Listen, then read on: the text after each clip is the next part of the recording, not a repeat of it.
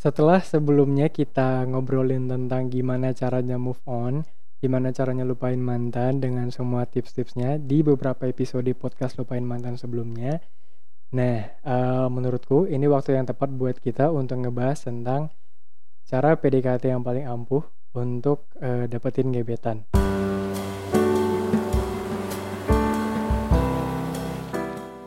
Selamat datang Moveoners di podcast Lupain Mantan. Ada gua Rain yang akan menemani kamu selama beberapa menit ke depan.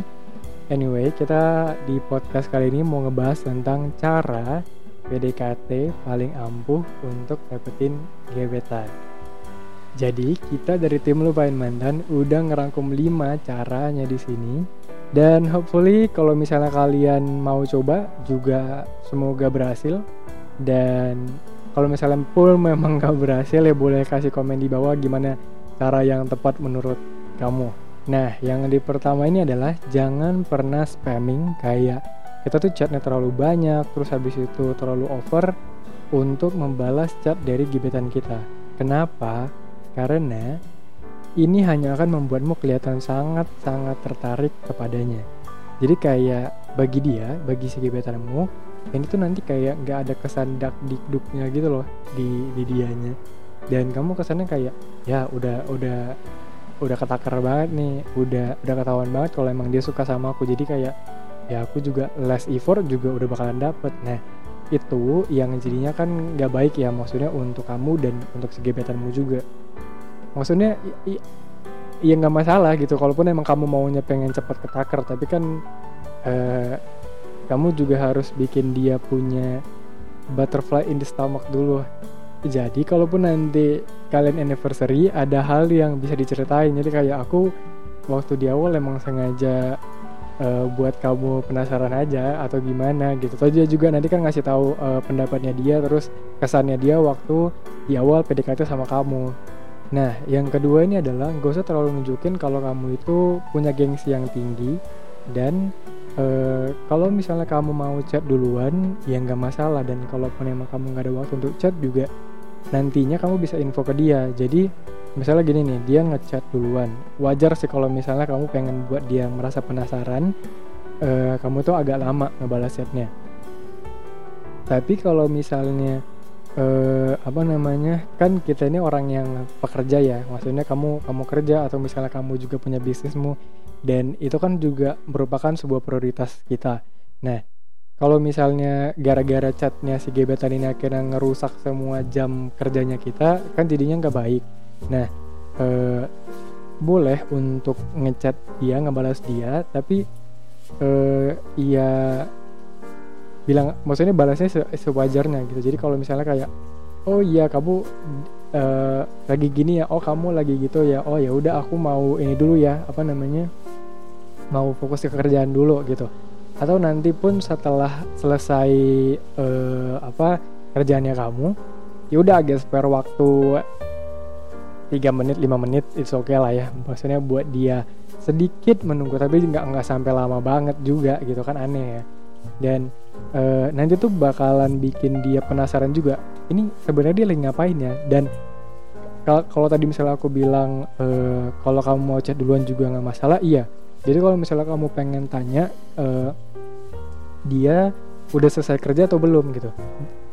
Jadi masih make sense gitu loh pertanyaan ini jangan kalau misalnya kamu tahu dia lagi kerja terus kamu tanya kamu lagi kerja tuh enggak? Kan itu pertanyaan yang uh, menggemaskan gitu ya. Kak kan kamu udah tahu ya lagi kerja kenapa nanya lagi gitu.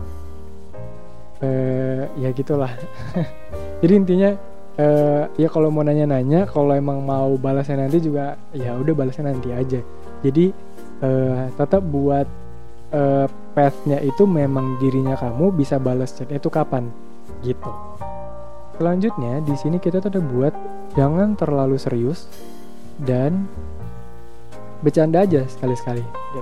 Nah seriusnya di sini tuh kayak jangan langsung bicarain tentang plan masa depan nanti gimana. Misalnya kayak kamu pengen nikahnya kapan? Kayak aku tuh pengen nikah dua tahun lagi. Aku tuh pengen nikah paling nggak setahun lagi.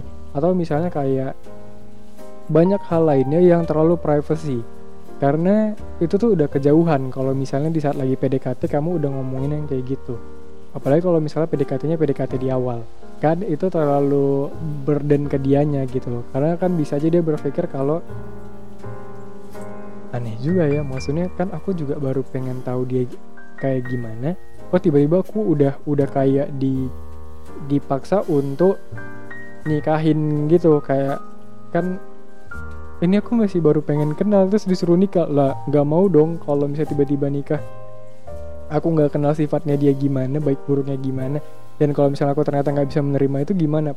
Pastinya itu juga ada dalam pikirannya dia. Yang namanya PDKT ya go with the flow aja lihat aja gimana. Terus kalau mau bercanda bercandain aja gitu. Tapi jangan pernah bercandain masalah fisik ya.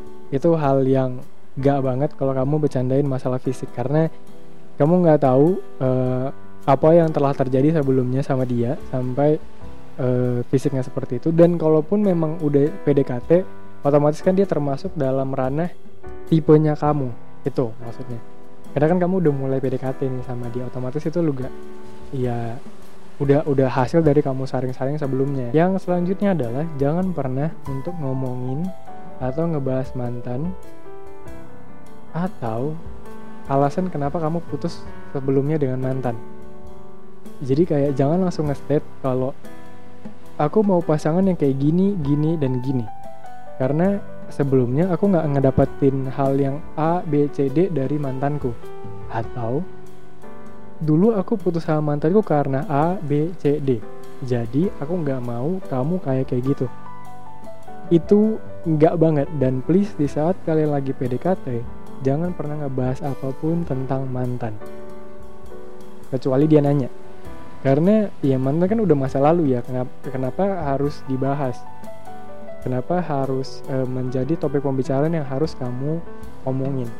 Mendingan ya omongin tentang masalah sekitar lah atau masalah e, mungkin kamu orangnya suka suka berpikir. Jadi kamu ngajakin dia nanya tentang politik kamu ngajakin dia nanya tentang um, matematika fisika atau ya ya maksudnya nggak harus gitu. Maksudnya kamu juga nanya tentang film yang lagi happening apa atau misalnya kayak yang lagi uh, apa yang makanan yang lagi orang-orang cari itu apa. Jadi kalian bisa makan bareng terus nge, nge nge-share tentang perasaan kamu saat makannya gimana. It will be better rather than kalian ngebahas tentang mantan. Karena ya apalagi kalau misalnya kamu bilang tadi kayak aku nggak mau kamu kayak gitu nantinya.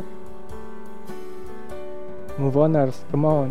Kalian tuh baru ketemu. Jadi please lah jangan jangan langsung memaksakan dia sebagai orang yang udah jadi pacar kalian gitu. Kalaupun emang kalian berniat agar nantinya nggak ada masalah atau misalnya nggak keulang lagi tuh masalah yang kejadian sebelumnya itu baik. Tapi lakukanlah in elegant way. Dengan kamu ngelihat responnya dia gimana terus habis itu dengan uh, perangainya gimana kan kamu tahu maksudnya ke depannya bakalan gimana. The last but not the least yang kelima adalah ajak waktu untuk bertemu dengan gebetanmu. Dan kayak makan di restoran mana gitu atau kalian cuma sekedar uh, coffee time atau tea time. Jadi kayak ngobrol berdua lebih pengen tahu lagi satu sama lain gimana terus habis itu kayak ngebahas sesuatu gimana.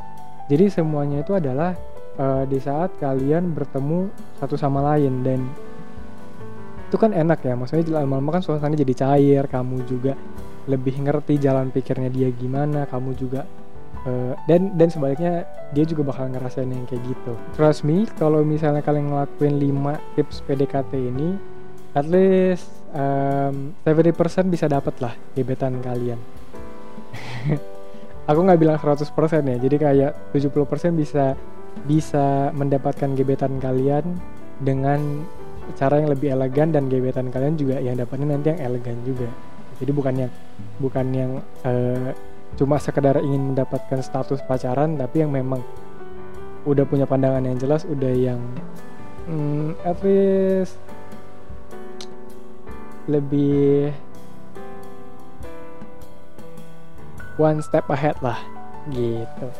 So itu dia podcast lupain mantan episode kali ini dan kalau misalnya kalian suka bisa kasih like, comment dan subscribe juga podcast Lupain Mantan. Oh iya, si podcast Lupain Mantan ini bisa banget kalian dengerin di Spotify dan di YouTube sama uh, kita bakal ngepost di Instagram Lupain Mantan official juga. Jadi, jadi kalian nggak nggak akan pernah ketinggalan tentang tips-tips semua percintaan. Nah, kalau misalnya kalian mau semua tips lain, itu bisa banget dibaca di lupainmantan.com.